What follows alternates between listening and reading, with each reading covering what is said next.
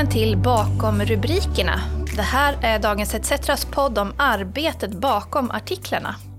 Jag heter Ulrika Lindahl och är nyhetschef på Dagens ETC. På våren för 30 år sedan så lades det fram ett förslag i riksdagen som för alltid skulle förändra den svenska skolan. Vi pratar alltså om friskolereformen. Det blev fritt fram att öppna och driva en skola så länge den följer den svenska läroplanen. Och det blev också bestämt att skolorna skulle finansieras med offentliga medel genom skolpengen.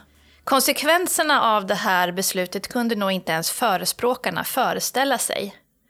Idag har vi jättelika riskkapitalbolagsägda skolkoncerner. Vi har vinster som gör att skattepengar som kommunerna betalar ut för barnens skolgång hamnar i ägarnas fickor, ofta på konton i skatteparadis. Vi har ökade klyftor mellan elever med olika bakgrund och mellan olika skolor. Vi har frånvalsskolor och tillvalsskolor. Sverige har fått ett helt unikt system i världen. Det här ska vi prata om med Sofie Axelsson. Välkommen! Tack så mycket. Du är reporter på Dagens ETC och har gjort en artikelserie om var friskolesystemet, eller kanske rättare sagt marknadsskolesystemet, befinner sig idag. Det stämmer. Det har blivit fem delar. Om vi börjar med den första. Den handlar om svängdörrarna mellan friskolelobbyn och politiken. I det arbetet så fick du ihop en lista på 40 personer som vandrat mellan politik och friskolelobbyn. Var det något av namnen där som eh, förvånade dig? Personer som man häpnas över är ju sådana som har fingrar i många syltburkar. Eh, som eh, Mats Jedau, till exempel. Han är moderat ordförande i kommunstyrelsen i Nacka. Det vill säga, han är ansvarig för friskolornas största konkurrent, eh, men samtidigt en friskolelobbyist som heter Duga. Eh, hela kommunen i Nacka genomsyras ju av eh, en marknadsretorik som att man på kommunens hemsida beskriver att man kan göra ett pedagogiskt kundval av tjänster eh, när man talar om elever som ska börja skolan.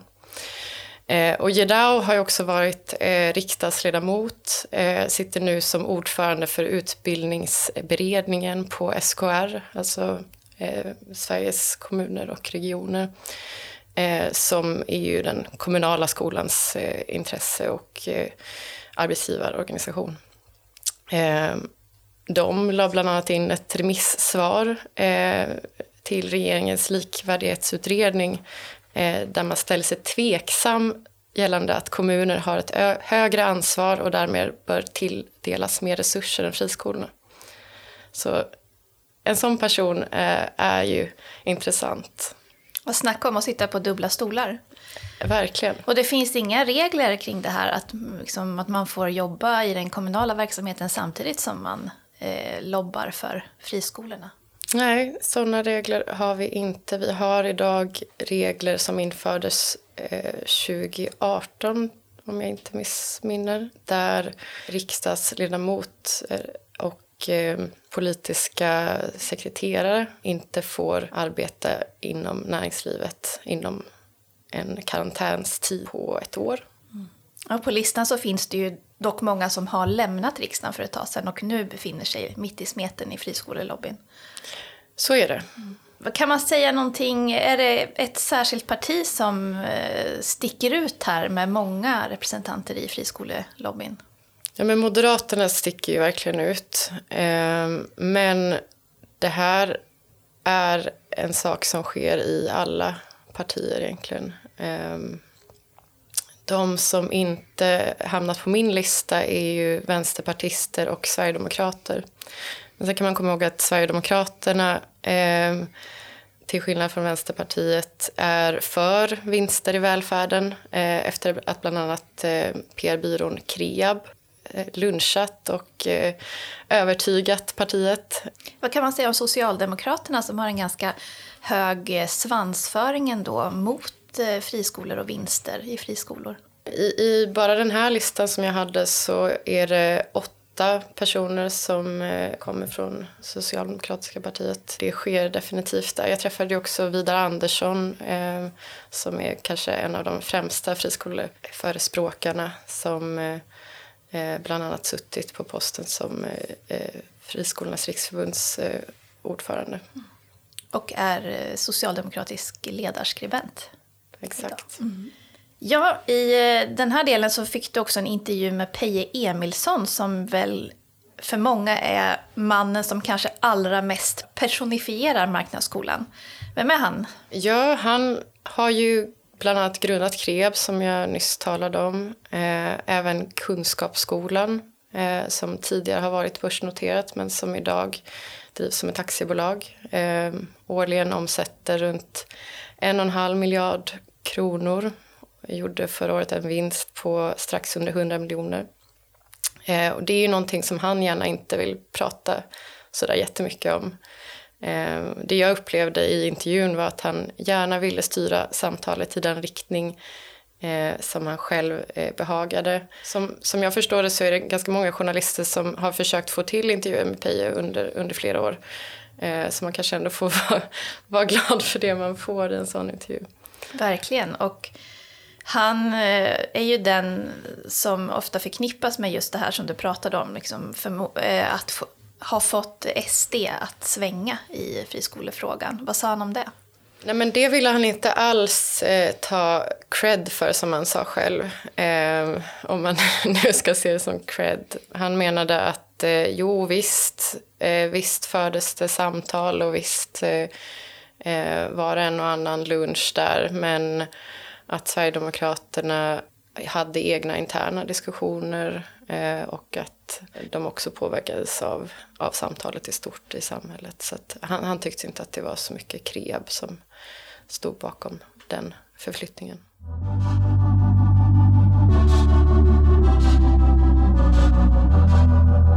Den andra delen i serien handlar om att eh, kommunerna inte har rätt att stoppa en friskola från att etablera sig, trots att det kan leda till att kommunen kanske tvingas stänga sina egna skolor.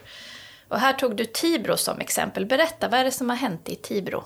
Tibro är ju en liten stad i eh, Västergötland. Och där vill då den här eh, friskolekoncernen Raoul Wallenbergsskolan eh, gärna etablera sig. Och trots att eh, kommunen säger nej, eh, då de ser svåra ekonomiska konsekvenser framför sig, så har Skolinspektionen godkänt eh, den här etableringen. Och om man talar om Skolinspektionen så har de fått rekordmånga ansökningar eh, förra året för att etablera nya friskolor. Och även om det bara är runt hälften av de här som får godkänt så är det många kommuner som har liknande erfarenheter som Tibro. Att man av olika anledningar inte vill få in friskolor men de kommer ändå. Och Tibro har nyligen satsat mycket pengar på att bygga en ny högstadieskola för kommunens elever. Vad kan hända med den om det nu kommer en, en friskola till stan? Det här skulle innebära att elevunderlaget i den kommunala skolan eh, skulle halveras. Eh, det innebär i sin tur att man skulle behöva skära ner på antingen personal eller lokalkostnader i den här väldigt nyrenoverade byggnaden som man har satsat på under flera år. I Tibro så är det centerpartistiska kommunalrådet emot då att det ska få komma en ny friskola till kommunen trots att hennes parti på riksplanet är väldigt mycket för etableringsfrihet eh, för friskolor. Vilka är hennes skäl där egentligen och, och vad, vad säger hon till sitt parti? Det största skälet är ju att kommunen inte kan planera långsiktigt. Men om man inte kan förutse elevunderlaget så blir det svårt att veta hur budget ska kunna se ut för skolan. Och eh, hon, säger att hon inte är emot friskolor eh, för, för den sakens skull. Eh, men hon, hon önskar sig att partiet i stort också ser att det finns delar i landet där det kanske inte passar sig för en friskola att etablera sig.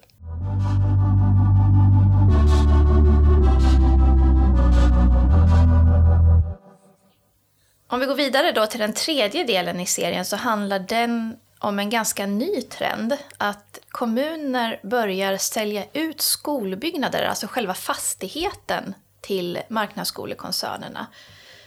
Först och främst, var, varför säljer kommunerna? Jo, men de säljer ju för att kunna tjäna en liten hacka i årets budget, att kunna gå, gå plus. Så det är väldigt kortsiktigt. Och varför köper skolkoncernerna? De har ju, många har ju tidigare hyrt lokalerna utav eh, kommunerna, men nu väljer man alltså att köpa istället. Ja, det är ju för att tjäna en ännu större hacka. Speciellt på platser där, där skolbyggnader är anpassade efter grundskolan, eh, där, där det är en bristvara, eh, så har man ju möjlighet att, eh, om man äger skolan, hålla hyrorna eh, högre. Och det är också ett sätt för friskolor att säkra upp egna etableringar. Just grundskolor så har man ju väldigt specifika regleringar över hur en skola ska se ut, var den ska ligga, vad, vilket närområde den ska ha och så vidare. Och då eh, kanske det inte finns så många sådana lokaler. Även som i Tibro till exempel så säger ju Skolinspektionen ja och kommunen säger nej. Och kommunen eh, har väl stretat emot på det sättet att de, de eh, tillåter inte eh, den här friskolan att hyra någon lokal. Eh, och det finns egentligen inte så många andra lokaler som är anpassade. Eh, så det, det blir i praktiken så kommer det bli ganska svårt för Raoul Wallenbergsskolan att faktiskt etablera sig där ändå. Men om de redan hade köpt och ägt en skola eh, i kommunen så har man ju möjlighet att etablera sin egna privata skola där. Så då blir det ännu svårare för kommunerna att eh, stoppa en etablering?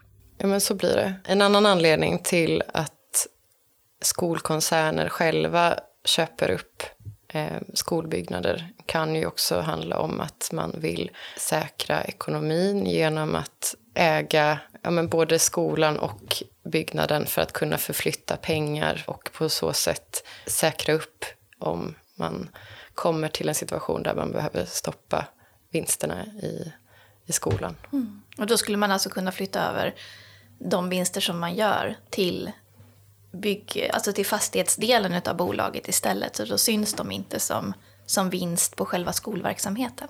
Exempelvis, och det här är ju saker som redan sker idag. Eh, men på olika sätt. Det handlar inte bara om fastighetsbolag utan det handlar också om IT-bolag eller städfirmor. Vill du spara och samtidigt göra världen lite renare? Då har ETC tagit fram en lösning för dig. Vi har startat ETC Bygg för att få igång byggande av hyreshus utan vinstjakt, utan miljöförstöring och med lägre hyror. Spara direkt i husen till 2% ränta. Läs mer på etcbygg.se. I den här delen av eh, granskningen så tittade du särskilt på Eskilstuna. Där har en skolbyggnad sålts och det har skett så i det fördolda att inte ens ansvarigt kommunalråd visste om att den hade sålts. Berätta om det. Ja, det var lite lustigt. Han blev ganska, han blev ganska paff när jag sa att den, eh, den såldes eh, 2020. Eh, men den såldes ut tillsammans med 560 hyresrätter. Så han sa att han kände till hyresrätterna man kände inte till den här skolan. Sen försökte han på olika sätt hitta förklaringar och sa att ja, men det hade troligtvis inte gått ändå att ha en skolverksamhet eh, precis där för att den låg väldigt nära en annan grundskola. Eh, och jag sa att men, men det ligger ju redan en skola i byggnaden eh, så det finns ju en efterfrågan. Men eh, nej, det, det gick han inte riktigt med på. Man sålde ju även ut en, en skola för ja, kanske tio år sedan nu det hade ju varit bra i dagsläget att ha kvar den skolan för att eh, Eskilstuna växer som bara den och man har en enorm brist på skolbyggnader. Och nu kan, man hamna, nu kan Eskilstuna hamna i en karusell där de tvingas hyra tillbaka skolor som de tidigare har sålt ut.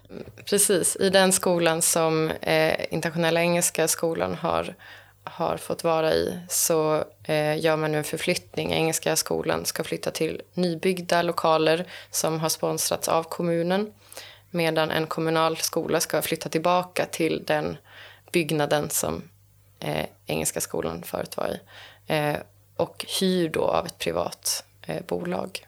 Så man bygger en skola till friskolan och hyr tillbaka eh, gamla kommunala lokaler från friskolekoncernen? Exakt. Jättekarusell. Ja, det... Och det här sker i, i Eskilstuna som ju faktiskt är en S-styrd kommun, eller det är ett samarbete mellan Socialdemokraterna och Moderaterna. Och eh, i den här granskningen så visade det sig att det var många S-styrda kommuner som hade sålt ut skolbyggnader. Trots då att partiet på riksplanet har sagt att eh, valrörelsen ska handla om att stoppa vinstuttagen i marknadsskolan och se, liksom begränsa marknadsskolan. Varför tror du att de S-styrda kommunerna gör så här? Men det handlar väl mest om att man har dålig ekonomi i kommunen och snabbt vill skaffa sig bättre siffror. Och här i Stockholm har det ju varit väldigt mycket eh, debatt om eh, de försäljningar som har skett. Eh, skapat mycket reaktioner, men de har ändå gått igenom. Vad tror du, kommer vi att få se ännu mer av den här typen av affärer? Det tror jag. Det tror jag absolut. Det är väl bara att kolla på kommuner där man ser att det sker många nya etableringar av friskolor och i vilken takt man också säljer ut skolbyggnader till de här nya eh, friskolorna. Det här sker ju eh, i kommuner i hela landet eh, och under olika partistyren.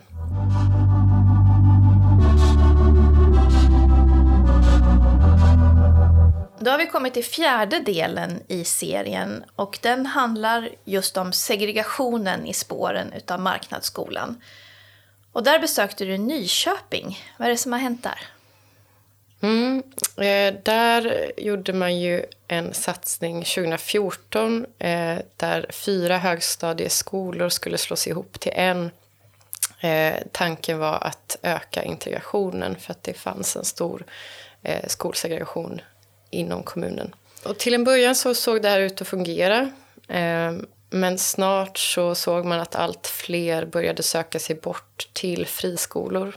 Eh, och främst handlade det om högpresterande vita medelklassbarn. Eh, vilket lämnar kommunen med ett elevunderlag som har fler elever som kanske inte har samma möjligheter att ställa sig i kö i tid eh, som elever som har föräldrar som inte kan språket, eh, som är nyanlända eller i vissa fall till och med har blivit rekommenderade av friskolorna att stanna kvar i den kommunala skolan för att de säger att de inte kommer kunna ge samma stöd till barn som har behov av extra stöd. Har du pengar på banken? ETC Sol investerar dina pengar i solceller det vill säga framtiden. 2500 personer har sparat pengar och får nu 2% ränta. Vill du vara med? Läs mer om hur du sparar på etcsol.se. I det här reportaget så talade jag också med eh, Linnea Lindqvist som är känd som rektor Linnea. Hon menar att skolsegregationen ingår i affärsmodellen. Det vill säga friskolor söker efter enklare elever för att kunna hålla nere kostnaderna. På vilket sätt funkar det? Jo, men dels via det här kösystemet då, att man, man vet att det är en viss typ av eh, föräldrar och elever som, som har möjlighet att ställa sina barn i kö i tid. Ja, så de här köerna gör då att man liksom sållar fram elever som inte kräver så mycket resurser i skolan? Ja. Hur hjälper det friskolorna att hålla nere kostnaderna? Det gör man ju genom att eh, man behöver inte ha samma typ av personal som inom elevhälsan så behöver man inte ha specialpedagoger, man behöver kanske inte ha kuratorer på samma sätt som man eh, har inom den kommunala skolan. Kostnaderna ska slås ut på färre elever Eh, vilket innebär att skolpengen behöver höjas eh, i den kommunala skolan och det innebär att skolpengen måste också höjas i friskolorna för att det ska bli rättvist. Eh. Trots att friskolorna inte har de här resurskrävande eleverna så får de ändå mer pengar per elev? Ja, vilket innebär att man också lockar till sig ännu fler friskolor att etablera sig. För om man hör då att ja, men den här kommunen har en sån här hög skolpeng eh, då vill man ju gärna vara där och ta del av den skolpengen. För att det blir mer vinst? Precis. Du pratade med Henrik Eriksson som var rektor tidigare i Nyköping också under den här eh, stora eh, reformen. Han använder ordet främlingsrädsla. Vad menar han? Han menar att det finns en inbyggd rädsla för personer som inte ser ut som oss själva. Men sen så är det många andra som jag har talat med som är mer inne på att eh, det är den socioekonomiska segregationen som spelar högst roll.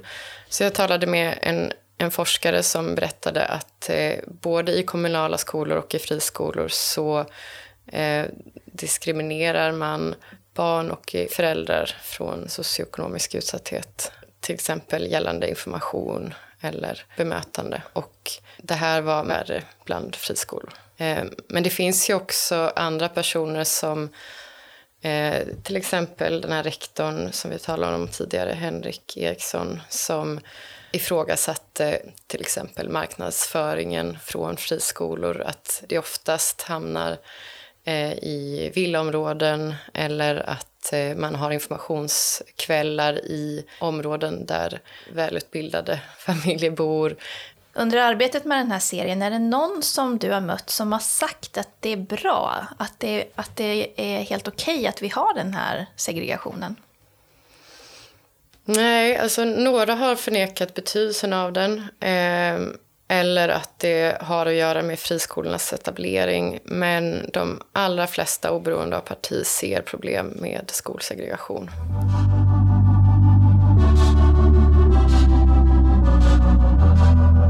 Den femte delen i serien handlar också om att friskolesystemet har påverkat demokratin i grunden. På vilket sätt? Vi var alltså i Upplands Väsby eh, som är den kommun i Sverige som har störst andel eh, friskolor. Och där så har i alla fall socialdemokratiska oppositionspolitiker reagerat över att man har förlorat kontrollen över eh, skolan. Eh, man har ju bara möjlighet att påverka hälften av skolorna i hela kommunen. Så om till exempel politikerna i Upplands Väsby bestämmer sig för att satsa på skolan, ser att ja, men skolan behöver mer extra resurser eller mindre klasser till exempel för att höja resultaten, vad, vad händer då? Jo, men då höjer man ju oftast skolpengen för att kunna göra de här satsningarna. Eh, men som jag sa förut så höjs den ju då också för friskolorna, vilket betyder att man får högre kostnader men kanske inte når ett högre resultat, eh, vilket är precis det som har hänt i Upplands Väsby. Ja, här har marknadsskolan fått eh, en kanske lite oväntad motståndare i det kom moderata kommunalrådet Robert Wenglén i Lomma. Och du har pratat med honom Sofie, han vill alltså inte ha några friskolor till sin kommun. Varför? Nej, men han ser ju eh, precis det här problemet med kontrollen över skolan. Han säger att han Eh, vill inte vara med om det här i Lomma att eh, behöva hamna i en situation där medborgare efterfrågar förändringar i skolan och han inte kan göra någonting åt saken. Han menar också att vissa områden faktiskt inte är särskilt lämpade för marknaden. Han jämför till exempel med eh, polis eller militär. Här skulle man aldrig någonsin eh, marknadisera, men det har man gjort i skolan och det menar han är fel. Eh, vilket kanske är ganska uppseendeväckande i och med att han är eh, moderat och många av hans partikamrater skulle väl inte hålla med honom. Vad tror du, kommer han få sina partikamrater att lyssna på den här kritiken? Jag tror det faktiskt. Han är ju i grunden forskare, han har ju forskat prof professionalism. Eh, och på det sättet så har han väl kanske en, en extra stor tyngd eh, och kan inte lika lätt avfärdas som någon slags eh, sossemoderat. Eh, utan han har, han har faktiskt grund i vad, vad han säger och hans kritik mot det här systemet.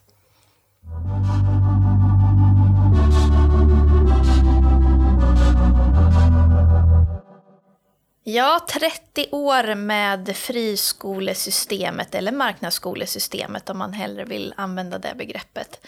Eh, det finns ju en stark opinion emot vinster, framförallt vinster i friskolan. Eh, när man har gjort mätningar så kan man ju se att det är liksom en majoritet av väljarna som tycker att man ska begränsa eh, vinsterna i friskolan. Eh, socialdemokraterna har ju sagt att de ska driva den här frågan i valrörelsen. Nu har det kommit ett krig i Ukraina emellan som ju har tagit mycket fokus. Eh, och nu börjar NATO-frågan segla upp istället så vi får väl se hur mycket fokus det blir på den här frågan när det närmar sig valet. Men den som har blivit rekryterad till skolministerposten och som ska leda den här opinionen är Lina Axelsson Kilblom som är uttalad friskolemotståndare. Och du träffade henne för att prata om de här problemen. Vad säger hon? Har hon någon lösning? Jo, men hon pekar ju på sånt som man har dragit stort på inför valkampanjen eh, för Socialdemokraterna. Eh, det vill säga att eh, slopa kösystemet. Eh, man vill fördela resurser rättvist genom att sänka skolpengen för eh, friskolor. Man eh, vill stoppa vinsterna. Hon ser också att eh, kommuner måste ta det ansvaret som de har för att eh, de också ansvarar för resursfördelningen eh, till skolorna. Och med det se över utmaningarna med skolsegregationen. Men hon inser också att kommunerna behöver fler verktyg och eh, vill se en riktning mot att kommunerna får en vetorätt. Det vill säga att de ska kunna säga nej till etableringar av friskolor eh, även när Skolinspektionen tycker att det är en bra idé.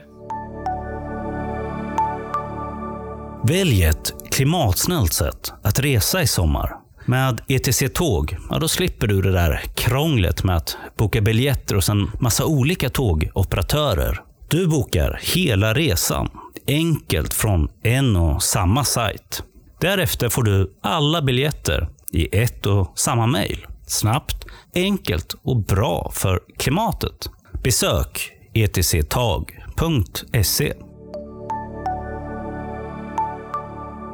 Nu har ju Socialdemokraterna suttit i regeringsposition under ganska många år. Eh, hade hon något svar på varför man inte har gjort någonting åt det här hittills? Det hon säger att man trodde att man skulle få var små chicbutiks eh, men istället så fick man lågprisvaruhus. Eh, Som pressar priset? Exakt. Men eh, där kan man väl också ifrågasätta hur mycket man faktiskt hade kunnat göra. Hon menar att man började redan 2015 med en utredning för att eh, kunna stoppa vinsterna och att man kom med ett sånt förslag 2018 som röstades ner. Eh, men det var ju redan tio år sedan som John Bauer-koncernen exempelvis gick i konkurs. Det var också över tio år sedan som Barbara Bergström, alltså ägaren till Internationella Engelskolan, sålde skolbolaget för närmare en halv miljard kronor. Vad tror du då? Vågar du säga någonting om framtiden? Tror du att det kommer att bli en avgörande fråga i valrörelsen? Ja, jag tror att allt fler har blivit medvetna om hur skolsystemet ser ut idag och eh, vill göra något åt saken. Frågan är om det kommer ske i år, en stor och radikal förändring i frågan, eller om det kommer ta några år till. Tack så mycket Sofie Axelsson. Du har gjort ett stort arbete med den här serien om eh, marknadsskolan 30 år efter att den infördes. Det kommer också resultera i en bok som kommer ut på Leopard förlag senare i år. När är det tänkt att den ska komma? Den är tänkt att släppas i oktober. Du hittar alla artiklarna såklart på itc.se. Eh, vi kommer att länka direkt ifrån det här poddavsnittet. Tack för att du har lyssnat. Tack.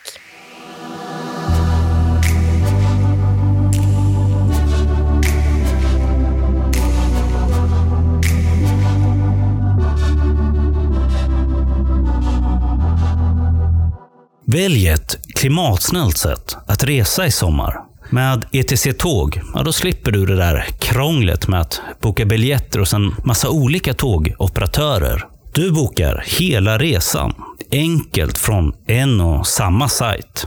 Därefter får du alla biljetter i ett och samma mejl. Snabbt, enkelt och bra för klimatet. Besök etctag.se